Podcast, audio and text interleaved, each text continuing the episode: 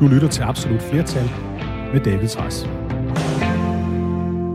For to år siden ved valget i 2019, der stillede jeg, David Træs, op for Socialdemokratiet øh, til folketingsvalget, og jeg blev ikke valgt. Og der gav jeg mig selv to års karantæne til at sige, to år måtte jeg ikke sige noget om øh, dansk politik, og det har jeg næsten holdt.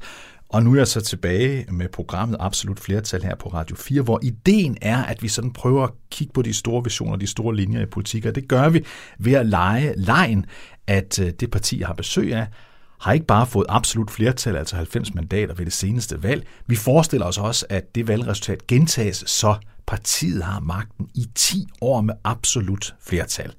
Øh, det betyder jo, at man i den periode virkelig har muligheden for at få gennemført sin egen politik.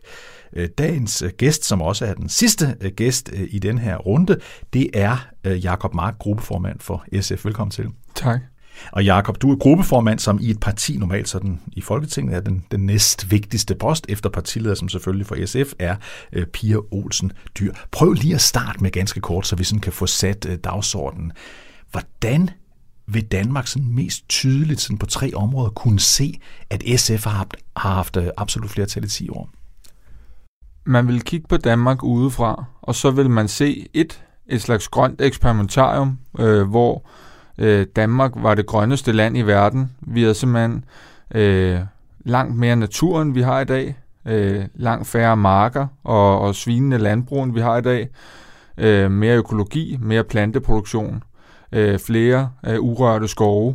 Øh, og så vil vi have øh, en, den mest ambitiøse klimalov, og vi vil leve op til den. Det var den ene ting. Den anden ting er, at vi vil have det mest omfattende øh, sundhedssystem i verden. Vi vil øh, ikke skulle betale for at gå til tandlæge. Vi vil ikke skulle betale for, hvis vi har psykiske sindslidelser.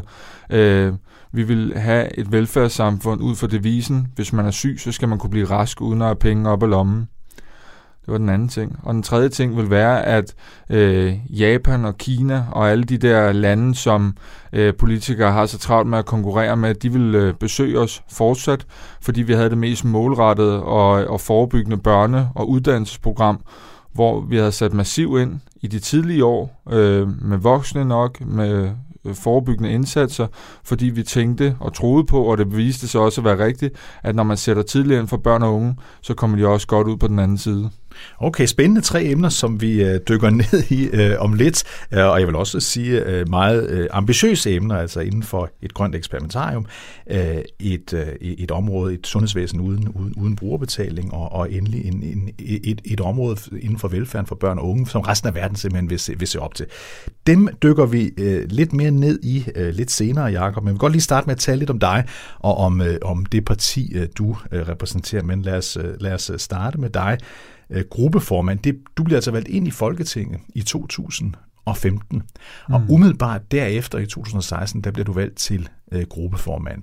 Øh, og gruppeformand, nu kan jeg jo huske fra dengang jeg fast var på Christiansborg i 1990'erne, det plejede at være dengang en ældre herre, øh, mm. undtagen i øh, SF, hvor det faktisk havde været Ebba Strange på det her tidspunkt, den første kvindelige gruppeformand, tror jeg, i Folketinget. Mm. Men ellers var det sådan normalt en gammel mand, der sad derhenne sådan, og, og styrede butikken. Hvordan var det at komme ind og tage den post, som, som på det her tidspunkt midt i 20'erne? Jamen, det føler jeg mig ikke rigtig klar til. øh, på en eller anden måde, så øh, er de muligheder, jeg har fået i politik, meget blevet skabt af tilfældigheder og andres fravalg. Øh, jeg blev øh, folketingskandidat for SF det år, jeg blev valgt til Folketinget, øh, da Mathias Tesfaye, som var vores kandidat i Køge, og som jeg selv havde fået til at stille op, han ringede en nat og sagde, at nu ville han ikke længere være folkesocialist, nu var han socialdemokrat. Og så blev jeg kandidat. Og så blev jeg valgt øh, til Folketinget, øh, uden at jeg egentlig rigtig havde regnet med det.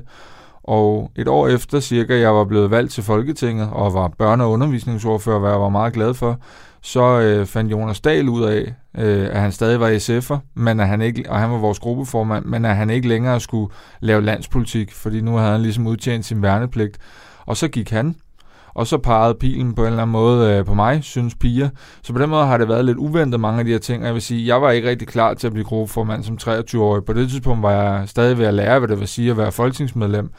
Og jeg besluttede mig også meget hurtigt for, at jeg skulle ikke være sådan en gruppeformand, ligesom man så på film, øh, som, som bankede folk på plads, for det kunne jeg jo ikke. Jeg kunne ikke banke Holger K. eller Carsten Hønge på plads med at skælde ud eller noget.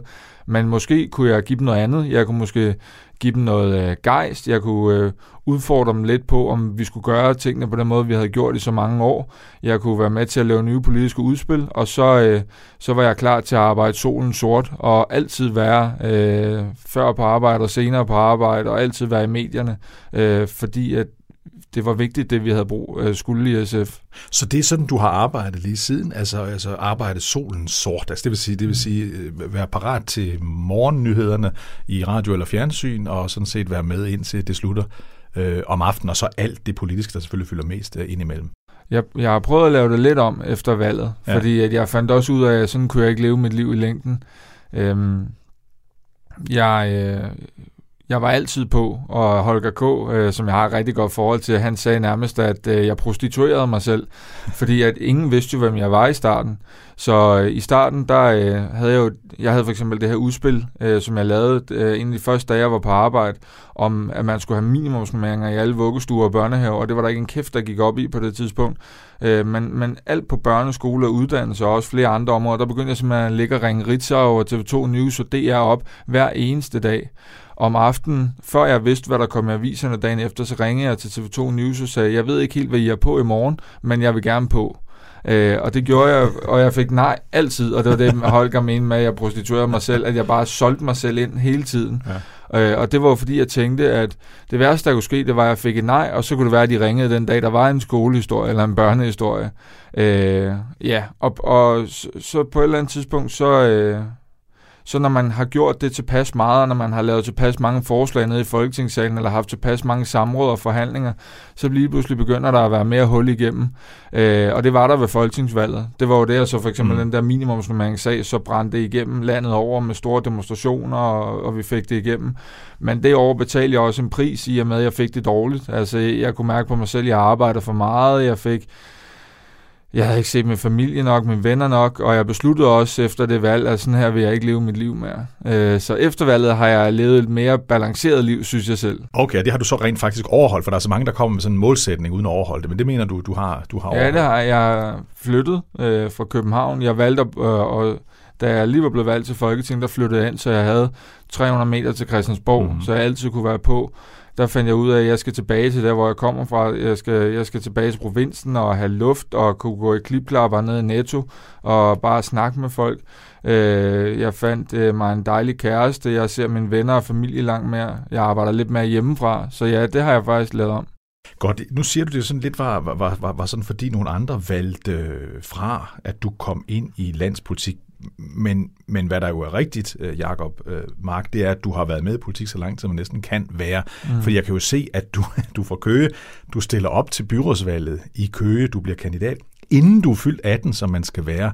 Mm. Og, og, og, og valget foregår til kommunerne jo til, til, til, altid i november måned. Du fylder over i oktober måned, så du når lige præcis at være 18, da du bliver valgt ind i Køge byråd første gang. Havde du altid tænkt, Jakob, at du skulle være politiker? Nej, det havde jeg overhovedet ikke. Jeg altid tænkt, at jeg skulle være journalist. Øh, fordi jeg synes, de der politikere, de var nogle øh, papegøjer, øh, som bare sagde det samme og samme og samme igen og igen, uden at ændre noget. Og nu sad jeg for eksempel i går og så øh, film, filmen Spotlight, som handler om øh, Boston Globe, som afdækker hele den her pædofiliring. Ja. Eller øh, kultur, der er i katolicismen, og så var jeg sådan igen, åh, oh, det er meningsfuldt arbejde, ja. journalistik, og sådan har jeg det virkelig stadig. Øh, så nej, så da jeg stillede op første gang, der er det, fordi jeg ikke kan holde min kæft. Jeg blander mig meget i køge. Mm. Øh, I synes, der er for lidt tilbud til børn og unge. Jeg synes, øh, der er for dårlig offentlig transport. Og så kommer SF tilfældigvis og spørger, om jeg ikke vil stille op. Og så synes jeg, det var skide sjovt at hænge på en valgplakat og, øh, og blande mig, men jeg har nok ikke regnet med at blive valgt. Men det var under Ville Søvndal-bølgen der. Altså, vi hæv jo fire mandater ind, og jeg kom ind der og tænkte, hvad laver jeg her? Men så... Øh, Ja, så, så var jeg der ganske kort, eller i de der fire år, og så havde jeg egentlig tænkt, at jeg ikke skulle stille op igen. Ja. Men så, øh, så kom øh, en SF'er og sagde til mig, at hun ville trække sig ved næste valg, og hun håbede, at jeg ville stille op, fordi så kunne jeg blive børne- og, øh, børne- og undervisningsudvalgsformand. Og det var egentlig første gang, jeg sådan aktivt sagde, det her, det skal jeg. Ja. Fordi der, der kunne jeg mærke, jeg havde jo set de der fire år, hvad man kunne bruge magt til. Man ja. kunne bruge det til at gøre noget godt for folk. Vi fik flere busser. Øh, vi fik øh, genåbnet klubberne i alle øh, øh, kommunens områder. Så jeg tænkte, det der med at blive formand for hele børne- og ungeområdet, det kunne jeg simpelthen ikke sige nej til, hvis jeg kunne blive det. Øh, så jeg stillede op igen der og øh, blev valgt, og fik, vi blev den første kommune i landet, der indførte gratis psykologhjælp til unge. Vi lavede bedre nummeringer, efter man havde trynet lærerne med SF's hjælp inden for øh, landsplan. Så var de første til at lave en lokalaftale, der sikrede morgenlig tid til forberedelse. Og det var i det der rum, og vi gjorde den dag i en konstituering med de borgerlige og alle de her ting. Det var i det rum, jeg fandt ud af, wow, hvor er forandring fedt. Altså... Og, og, og helt konkret, du nævner nogle, nogle forskellige ting, men altså helt konkret bliver der jo lagt mærke til, at mens du er, er byrådsmedlem ansvarlig for det her område, du nævnte det selv i blandt de ting, du synes, jeg har fået gennemført, at mm. der bliver gratis øh, psykologhjælp til, til, til, til børn og unge i Køge Kommune. Og det er jo et område, som du også siden har, og SF kæmper for på, på landsplan. Hvordan var det, du sagde, man mærker, det der det virker? Altså, I er inde i en konstitueringsaftale i en del af magten i Køge Kommune. Du mærker, mm. at man rent faktisk kan gennemføre noget. Hvordan Hvordan virker det på dig, når du mærker, at det virker? Jamen, øh, det var det, jeg, jeg kan... Nogle gange kan jeg øh, savne lokalpolitik, mm. det kan jeg faktisk tit. Fordi da vi havde lavet gratis psykologhjælp til unge, så mærkede jeg jo det jo konkret ved, at når jeg sad til, øh, til en vens øh, studentergilde, for eksempel, ja. så sad hans lille søster ved bordet, hun var øh, 16, og hun kom så over til mig, når hun havde samlet lidt mod til at sige, ingen ved det her, men jeg har faktisk benyttet det der gratis psykologhjælp-tilbud, og, øh, og det har gjort, at jeg har fået det bedre. Altså, det der med, at der er så kontant afregning med, at du får at vide, at du har gjort en forskel her, det, det forslag, jeg lavede her, det betyder noget for mig. Men også med omvendt foretegn at hvis øh, man havde et rigtig dårligt forslag, eller, eller der var et eller andet i høring, som var elendigt, så var, kunne man jo ikke gå ned på køgetøj uden at få at vide, at det er rigtig skidt det der. Men det der, når man kan mærke, at man har gjort en positiv forskel i folks liv, det, det kan jeg rigtig godt lide.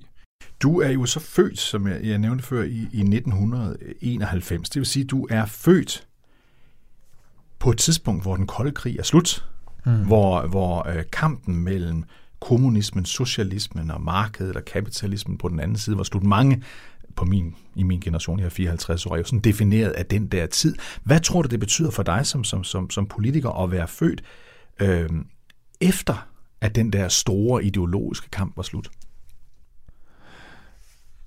Jeg tror, at øh, jeg selv og øh, mange andre unge på min alder øh, sådan har tænkt det som en... Øh, en naturens orden, at ting vil blive bedre, altså at fremskridtene altid vil komme, at de kommende generationer altid vil have flere muligheder end de generationer, der var før. Altså, det lå slet ikke i kortene, da jeg var ung, at det skulle kunne blive dårligere.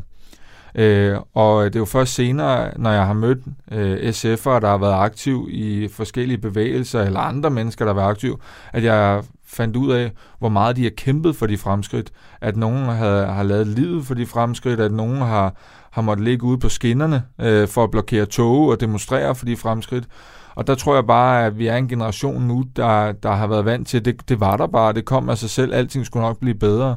Men det, der så også bekymrer mig nu, og som jeg tror mange unge, det kan man i hvert fald se i undersøgelserne, øh, peger på, det er, nu er vi ved at blive ramt af en erkendelse af, at det, det bliver faktisk dårligere, hvis vi ikke passer på. Der er ting, der er udfordringer, som vi står overfor, som er, er større end dem tidligere generationer står overfor. Og det, det synes jeg er interessant.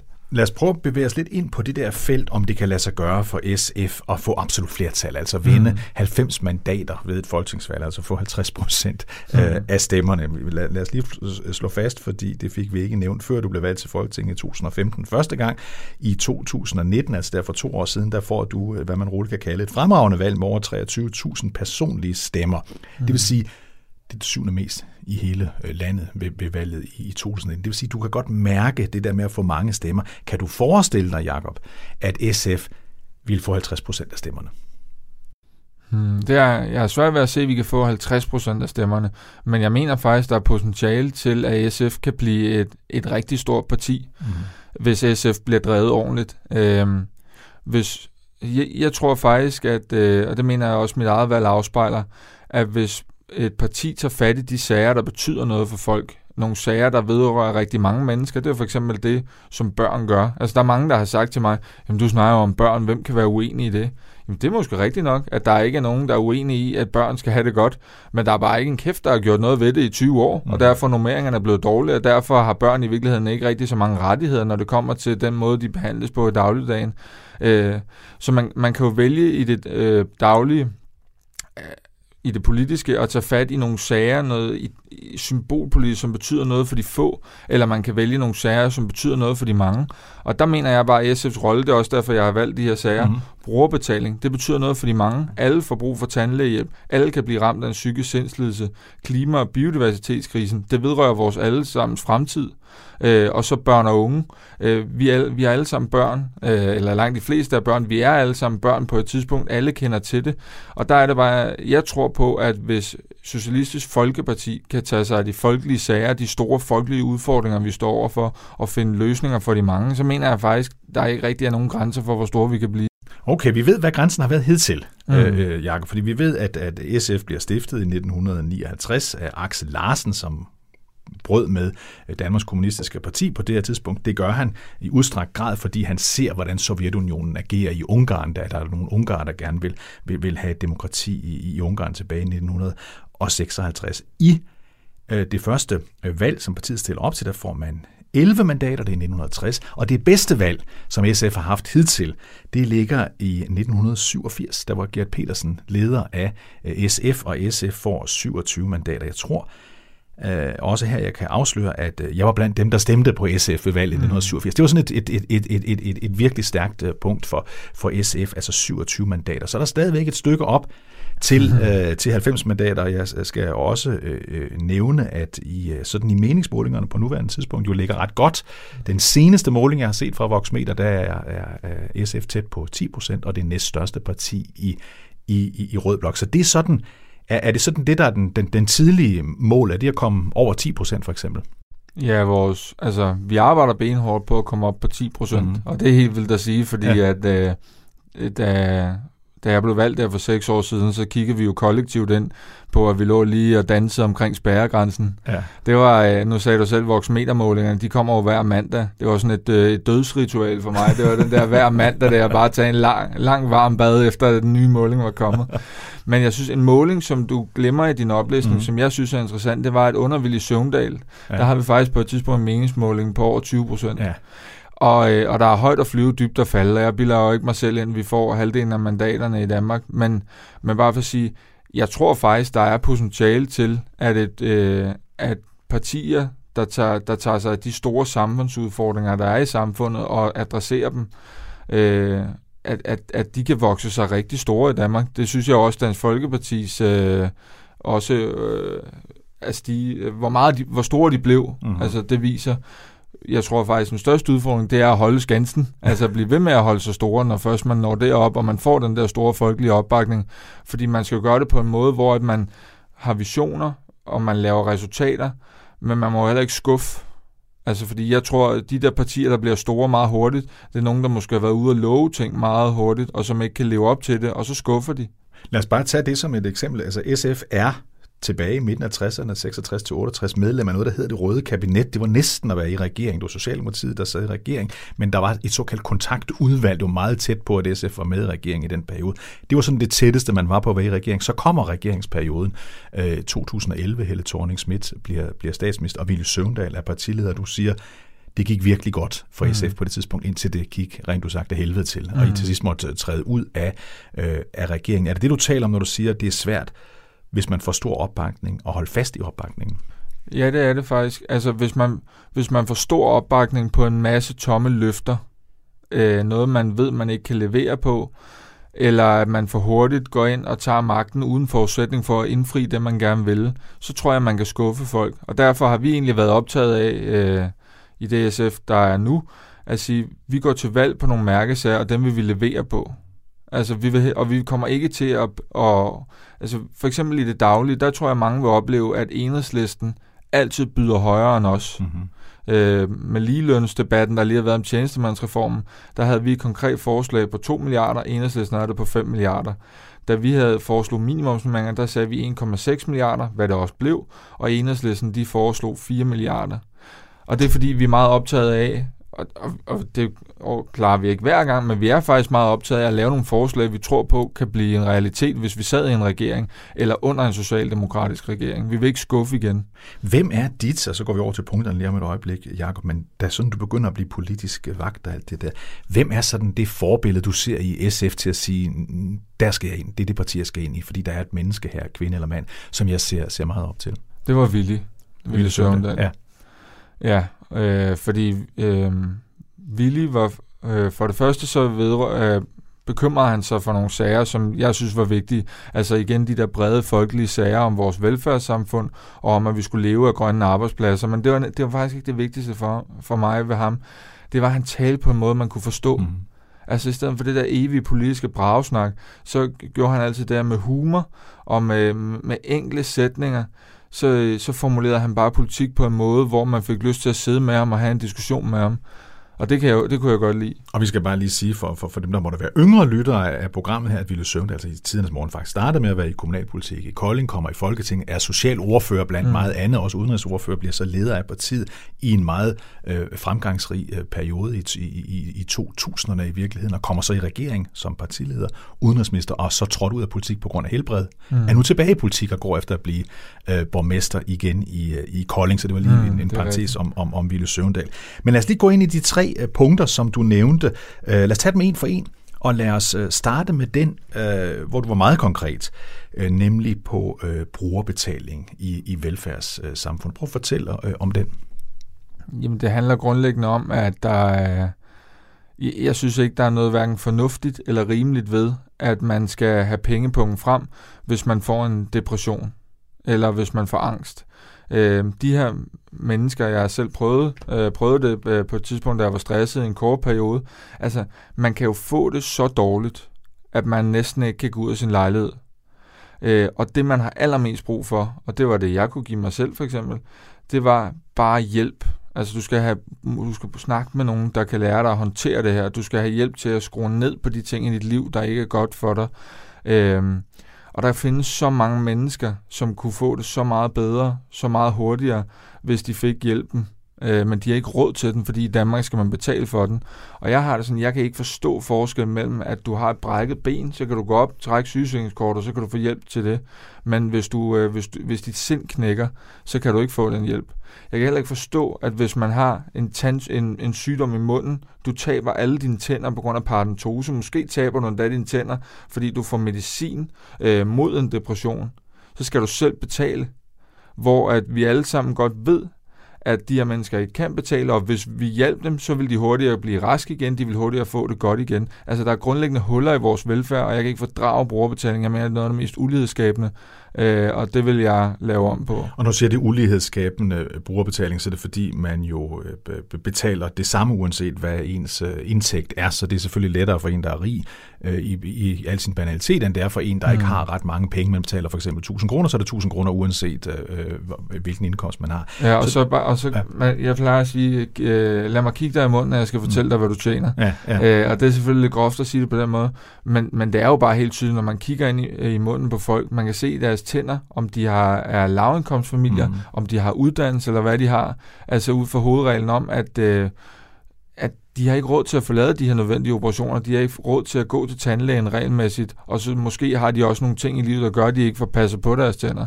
Så, så, så selve det med tænder, siger du, det er simpelthen et, et, et meget konkret bevis i dit univers på, at vi har et velfærdssamfund, der ikke er udbygget godt nok?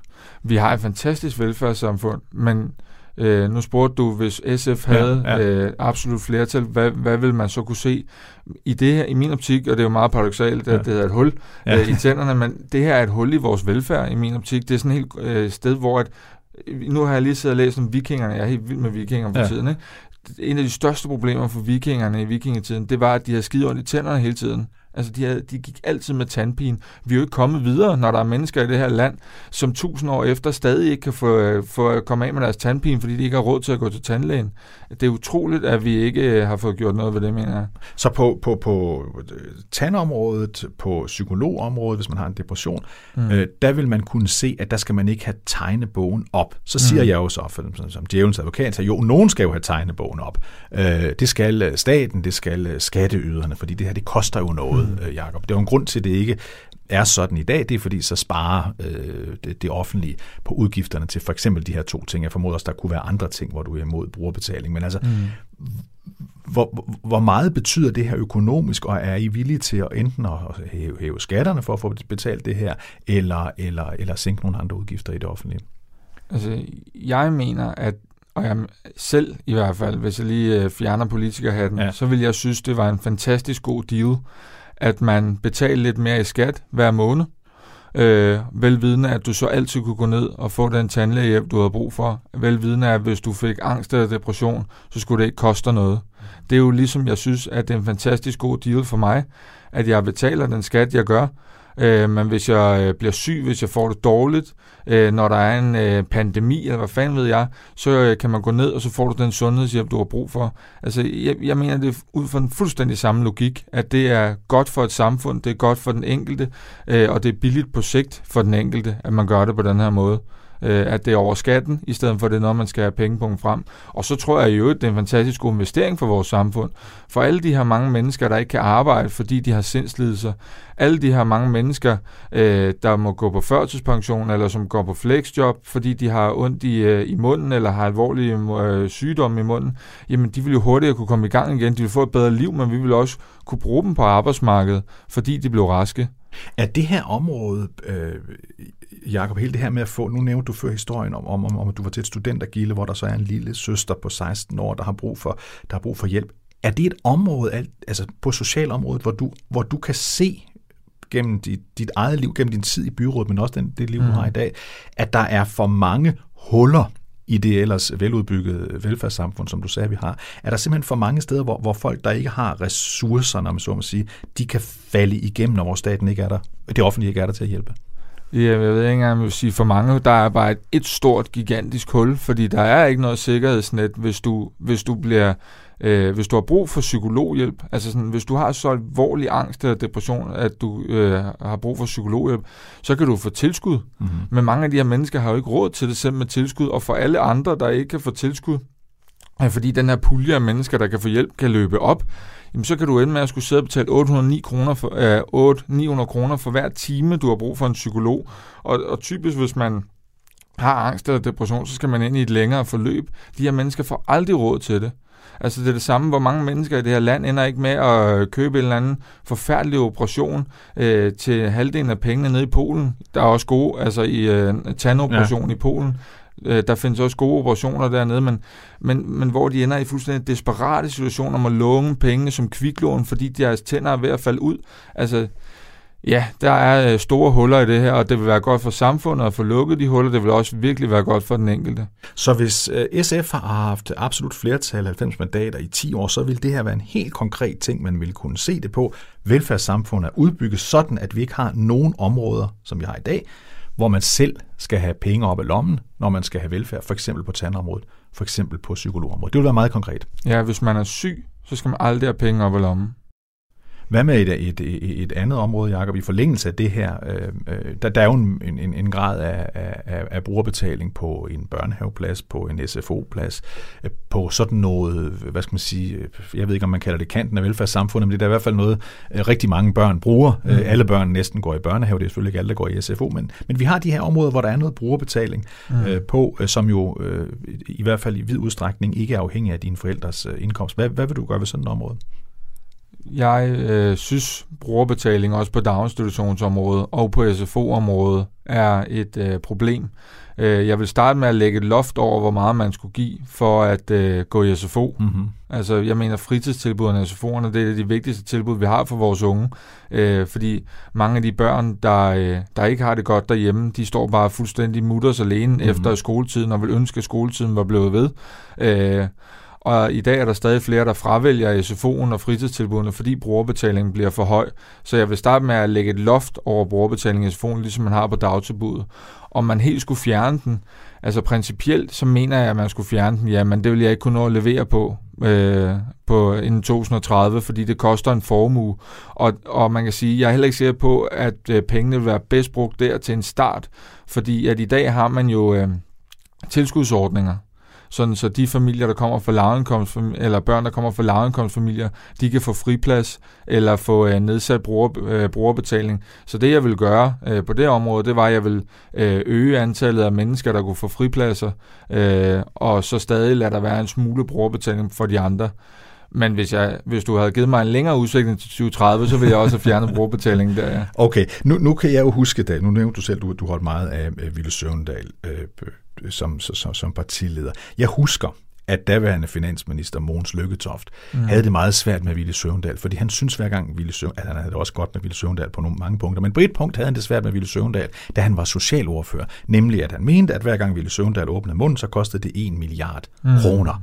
Mm. Øh, det er jo sådan, hvad skal man sige, kritikere af SF vil kigge på jer, også på det, du siger nu. Det er godt nok mange øh, milliarder, milliarder kroner, du, øh, du, du delte ud her.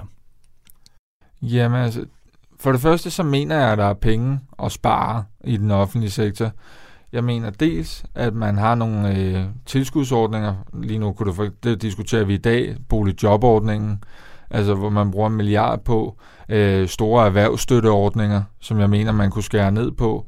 Øh, fradrag øh, for, for skattebetalingen til virksomheder, som jeg mener, man kunne fjerne. Øh, og så, så, så jeg mener faktisk, at der er nogle af de der massive tilskudsordninger og erhvervsordninger, vi bruger i dag, som man godt kunne spare væk. Og derudover, så mener jeg, at vi bruger stadig for mange penge på konsulenter og, og, og mennesker, der skubber papir frem og tilbage i den offentlige sektor. Og hvis jeg, var, øh, hvis jeg havde magten i 10 år, så ville jeg sætte en, en eller anden form for arbejde i gang, altså en målsætning om, at hver tiende regel, som minimum i det her land, skulle afskaffes. Der vil være hele områder, for eksempel jobcenterområdet, hvor jeg vil begynde forfra og sige, det her skal slet ikke, det skal ikke være alt det her papirarbejde. Skoleområdet har været fuldstændig lagt ned i regler og byråkrati. Altså i min optik på skoleområdet, øh, det vigtigste det er ikke flere penge. Det vigtigste er at få sat dem fri for alt det her papirtyrani. Så jeg mener faktisk, der er masser af penge at spare, øh, men det er rigtigt, at der også Altså, vi har, vi har nu i øh, flere årtier øh, betalt mindre skat i Danmark. Øh, de rigeste har fået øh, større rådighedsbeløb, og øh, hele Danmark betaler faktisk nu mindre skat, end man gjorde tidligere. Og der, der ligger jeg bare et andet sted. Jeg vil hellere betale lidt mere i skat, og jeg vil hellere have de rige bidrager mere, mod at man ikke skal betale, når man går til tandlægen, og man, øh, man går til psykolog, hvis man har brug for, for det. Du lytter til Absolut Flertal på Radio 4 med mig, David Træs, som vært, og med Jakob Mark, gruppeformand øh, for SF, som gæst.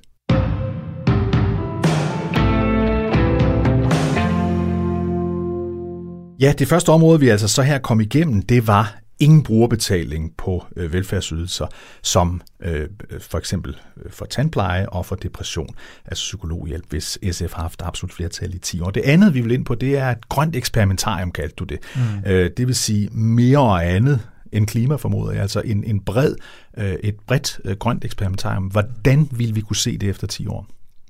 Nu spurgte du før, hvordan øh, SF og jeg vil finansiere mm. øh, nogle af de her velfærdsforbedringer. Og jeg tror egentlig, jeg vil starte der, selvom jeg ikke mener, at det er den vigtigste grund til at lave være grønt forgangsland. Jeg tror, at Danmark har en mulighed for at tjene enormt mange penge på den grønne omstilling. Vi er øh, i forvejen et af de land, der har flest grønne arbejdspladser, øh, både når det handler om øh, vedvarende energi, øh, når det handler om læring af energi, når det handler om øh, at passe på vores vandmiljø, øh, når det handler om bilteknologi. Altså vi er enormt langt fremme, og vi er et lille land for verden, det er rigtigt. Men lige om lidt, så kommer der nogle af de største markeder, Kina, Indien, USA, hvis de køber bare lidt af vores produkter, mm-hmm. lidt af vores viden, så kommer vi til at tjene enormt mange penge, samtidig med, at vi gør noget godt, fordi vi bidrager til den grønne omstilling.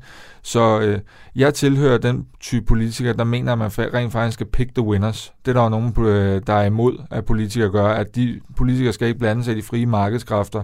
Men lige her kan vi jo se, at vi har muligheden for at tjene enormt mange penge, og samtidig gøre noget godt for verden derfor øh, skal vi blandt andet investere i den grønne omstilling. Og det er jo rigtigt nok, pick the winners er et, et udtryk, som øh, liberale kræfter, liberalistiske kræfter vil sige, det skal politikere simpelthen holde sig fra. Tager vi Danmark som, som eksempel her, så kan vi selvfølgelig sige, at på den grønne område, øh, der er det øh, øh, ja, jo, jo vid udstrækning på grund af SF's politik i 1970'erne og 1980'erne, mm. at der for eksempel indføres tilskudsordninger til vindmøller dengang, det ikke var mm. noget særligt. Så der prøvede man jo at vælge øh, vinderen, og i det her tilfælde i hvert fald øh, med, med, med held, kan man sige, Jacob.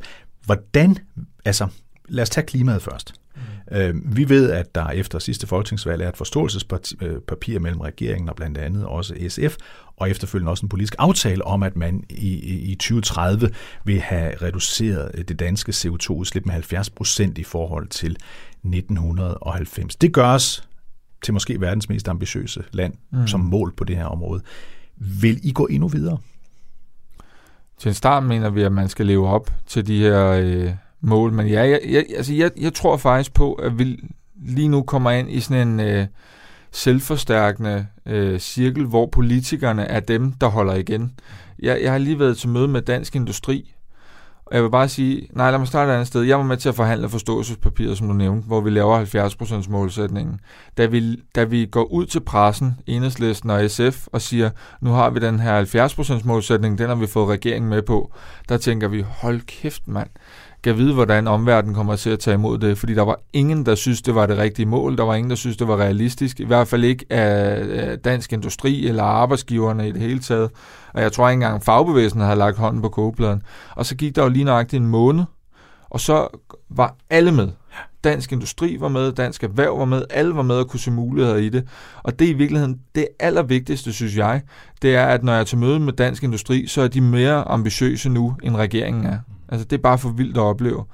Øhm, ja, og, så, øh, og derfor mener jeg også, at ja, vi, vi skal faktisk være evig eneste år. Alle de politiske aftaler, vi laver, elbilaftalen, det var så sindssygt at opleve, at øh, imens regeringen sidder og holder igen på, øh, hvor mange elbiler, der skal køre på vejene i 2030, så kommer der en ny statistik ind ad døren, som viser, at man allerede sidste år havde nået det antal elbiler, som regeringen vil nå i 2025.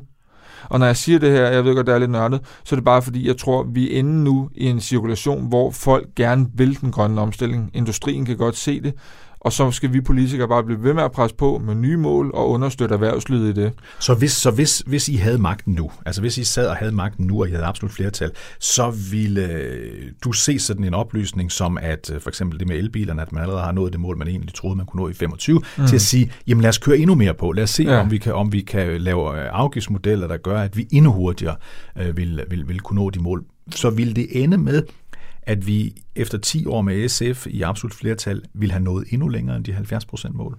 Det vil i hvert fald være mit mål, og det vil også være mit mål, at vi hurtigere kunne leve op til den målsætning om, at Danmark skulle være klimaneutrale, som jo først ligger om mange øh, år øh, i de nuværende målsætninger.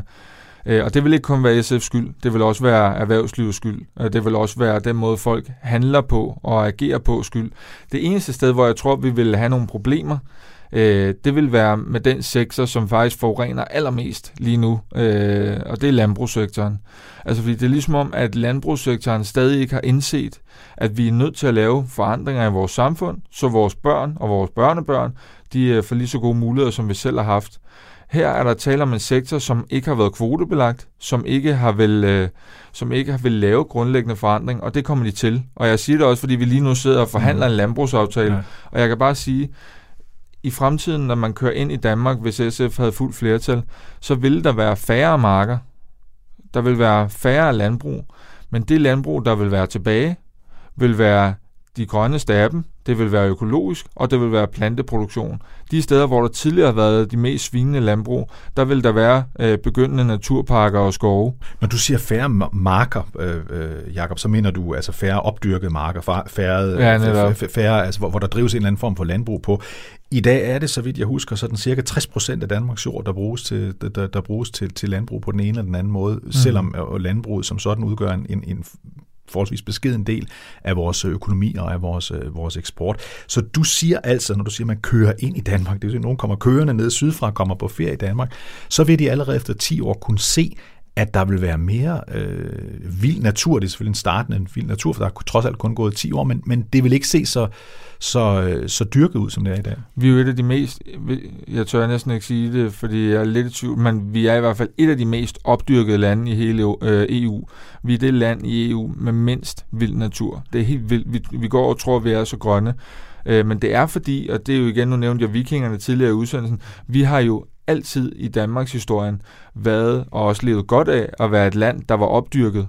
Men vi er et andet sted nu. Øh, det betyder ikke, at vi ikke skal have landbrug. Selvfølgelig skal vi det, og der findes masser af progressivt landbrug i dag, men der findes desværre også rigtig meget konventionelt, som udleder enormt meget CO2 og metangasser, som ikke grundlæggende vil omstille sig, og som tager plads for den natur, vi har brug for. Dels fordi, at vi skal have øh, mere vild natur med insekter og, og dyr, og fordi det er godt for vores allesammens velvære, men også fordi vi får brug for mere træ i fremtiden, fordi vi skal bygge mere træ, fordi beton øh, udleder CO2. Altså, vi skal, vi, skal, Øh, vi skal noget andet, og Danmark skal se anderledes ud på det her område. Og de landbrug, der vil med, som øh, er ligesom de progressive landbrug i dag, de skal komme med, og jeg tror også, de kan tjene mange penge på det.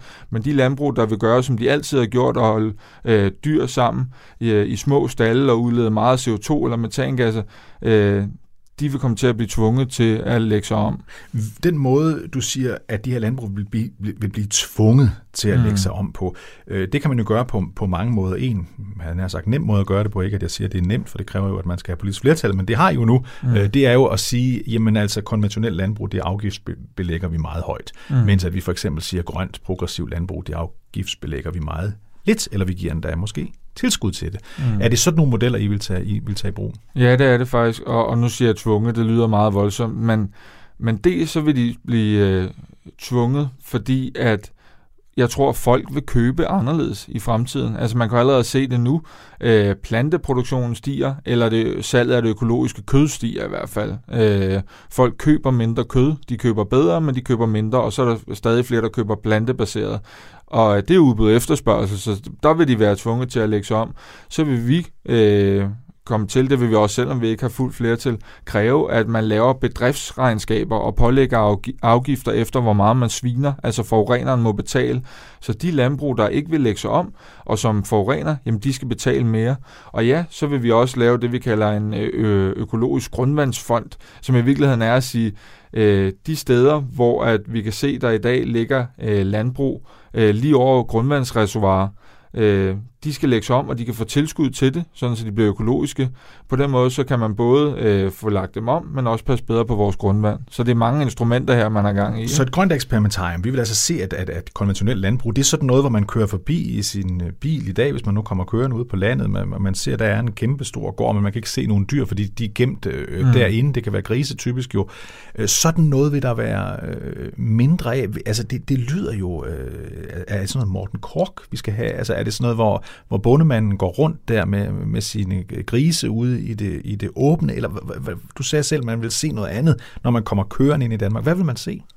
Man vil se, altså helt konkret, så der hvor der tidligere har ligget opdyrket marker, der vil der i højere grad, altså sådan i langt højere grad, øh, være øh, skov eller øh, vild natur. Og nu er det jo 2030, så det er begrænset, ja. hvor meget de har kunnet nå at vokse, de her træer. Ja.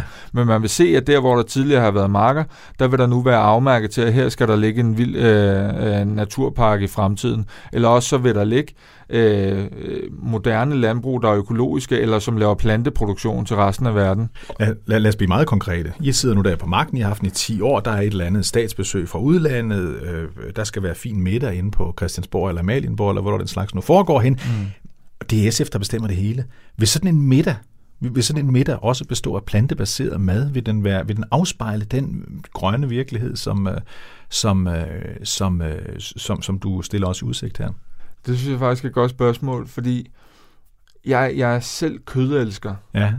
øh, og jeg kan ikke så godt lide, når mennesker kommer og siger til mig, hvad jeg må spise og hvad jeg ikke må spise. Den, den, jeg, jeg tilhører egentlig den der, lige hvad angår det her vrede type på Facebook, der siger, det er der fandme ikke andre, der skal bestemme. til gengæld, når jeg øh, står over for, øh, eller for et måltid, hvor jeg kan vælge flere forskellige retter, og der både er kød, men der også er sindssygt lækre alternativer til kød, så smager jeg lidt af det hele.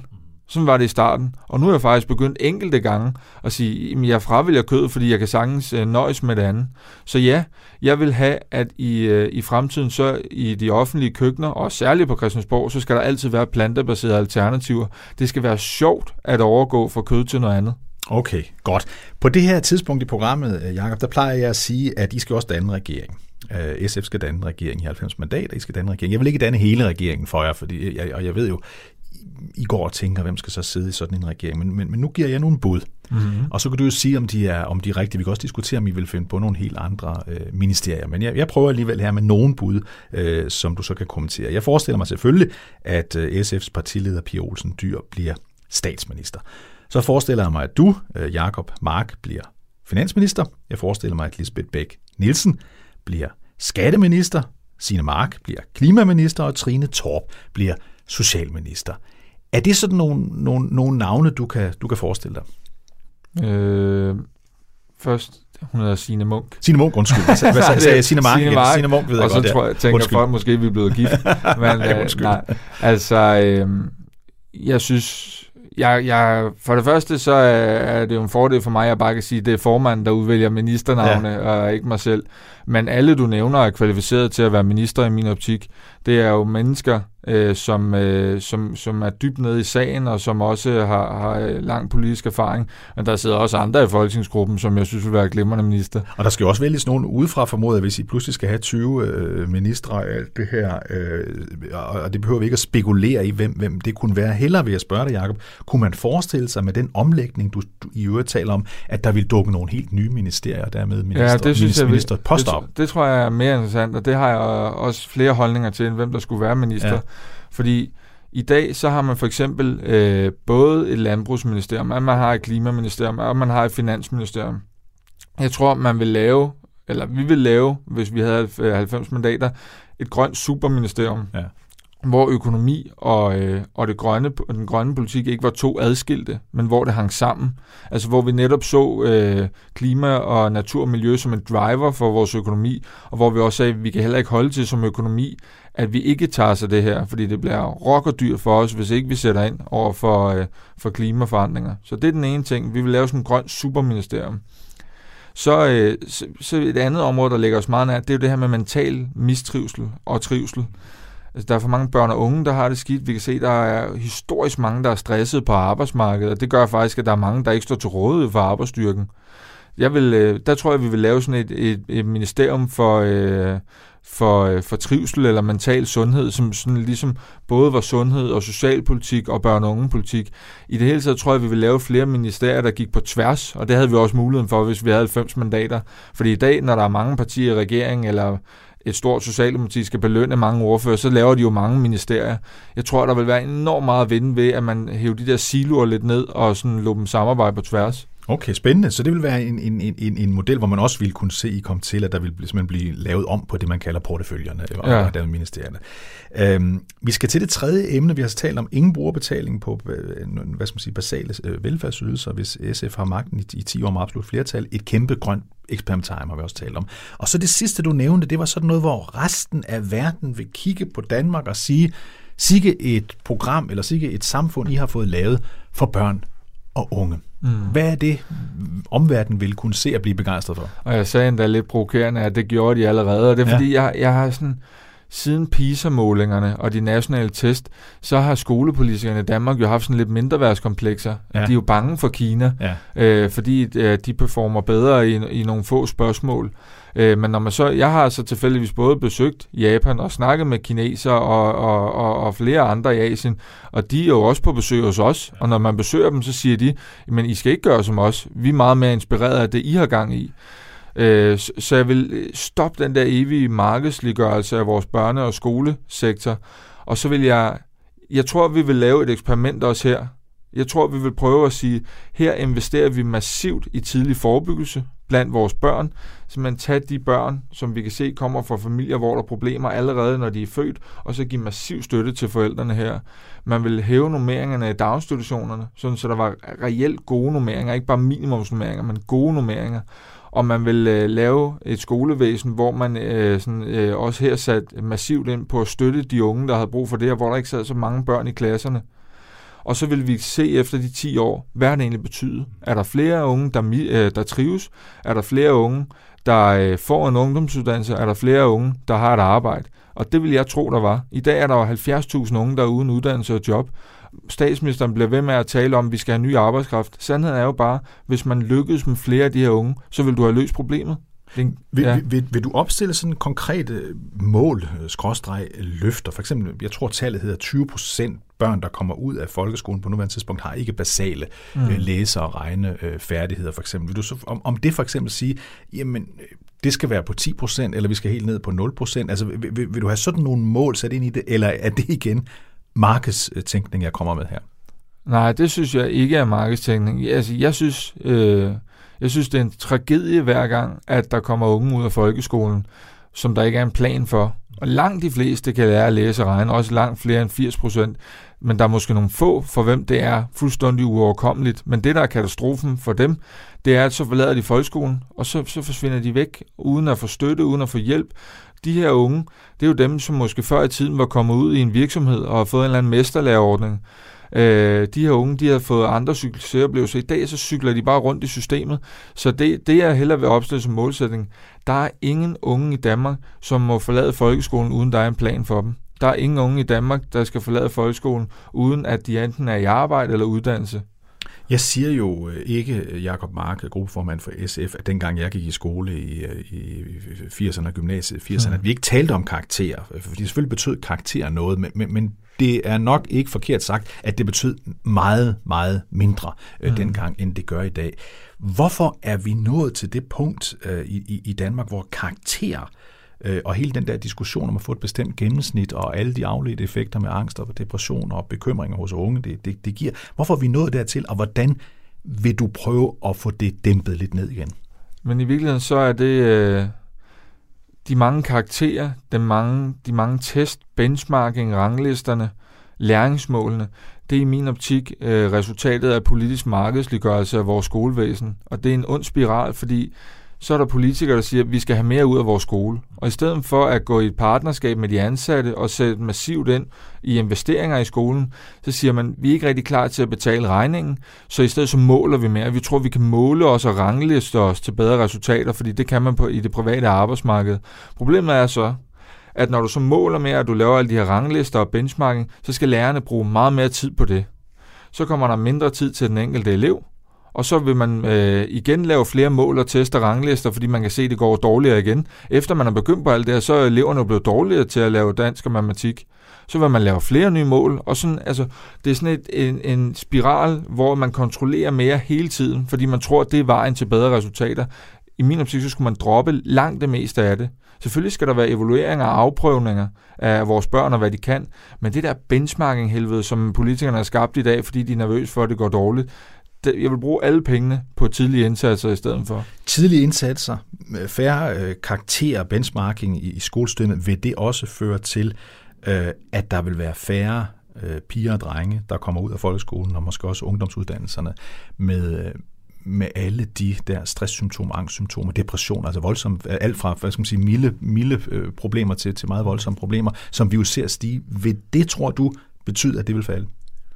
Ja, det tror jeg, men jeg tror, det vigtigste for, at øh, der er færre, der får, øh, får det skidt, hvis man skal kigge på, hvad angst er, øh, så den første, der beskrev angst, det var Søren Kierkegaard. Han sagde, at angst kommer øh, ved frihed. Når man er fri og står på egen hånd, så bliver man bange for at fejle.